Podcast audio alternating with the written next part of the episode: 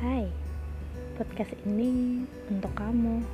Semua tentang kamu, selalu tentang kamu, dan hanya tentang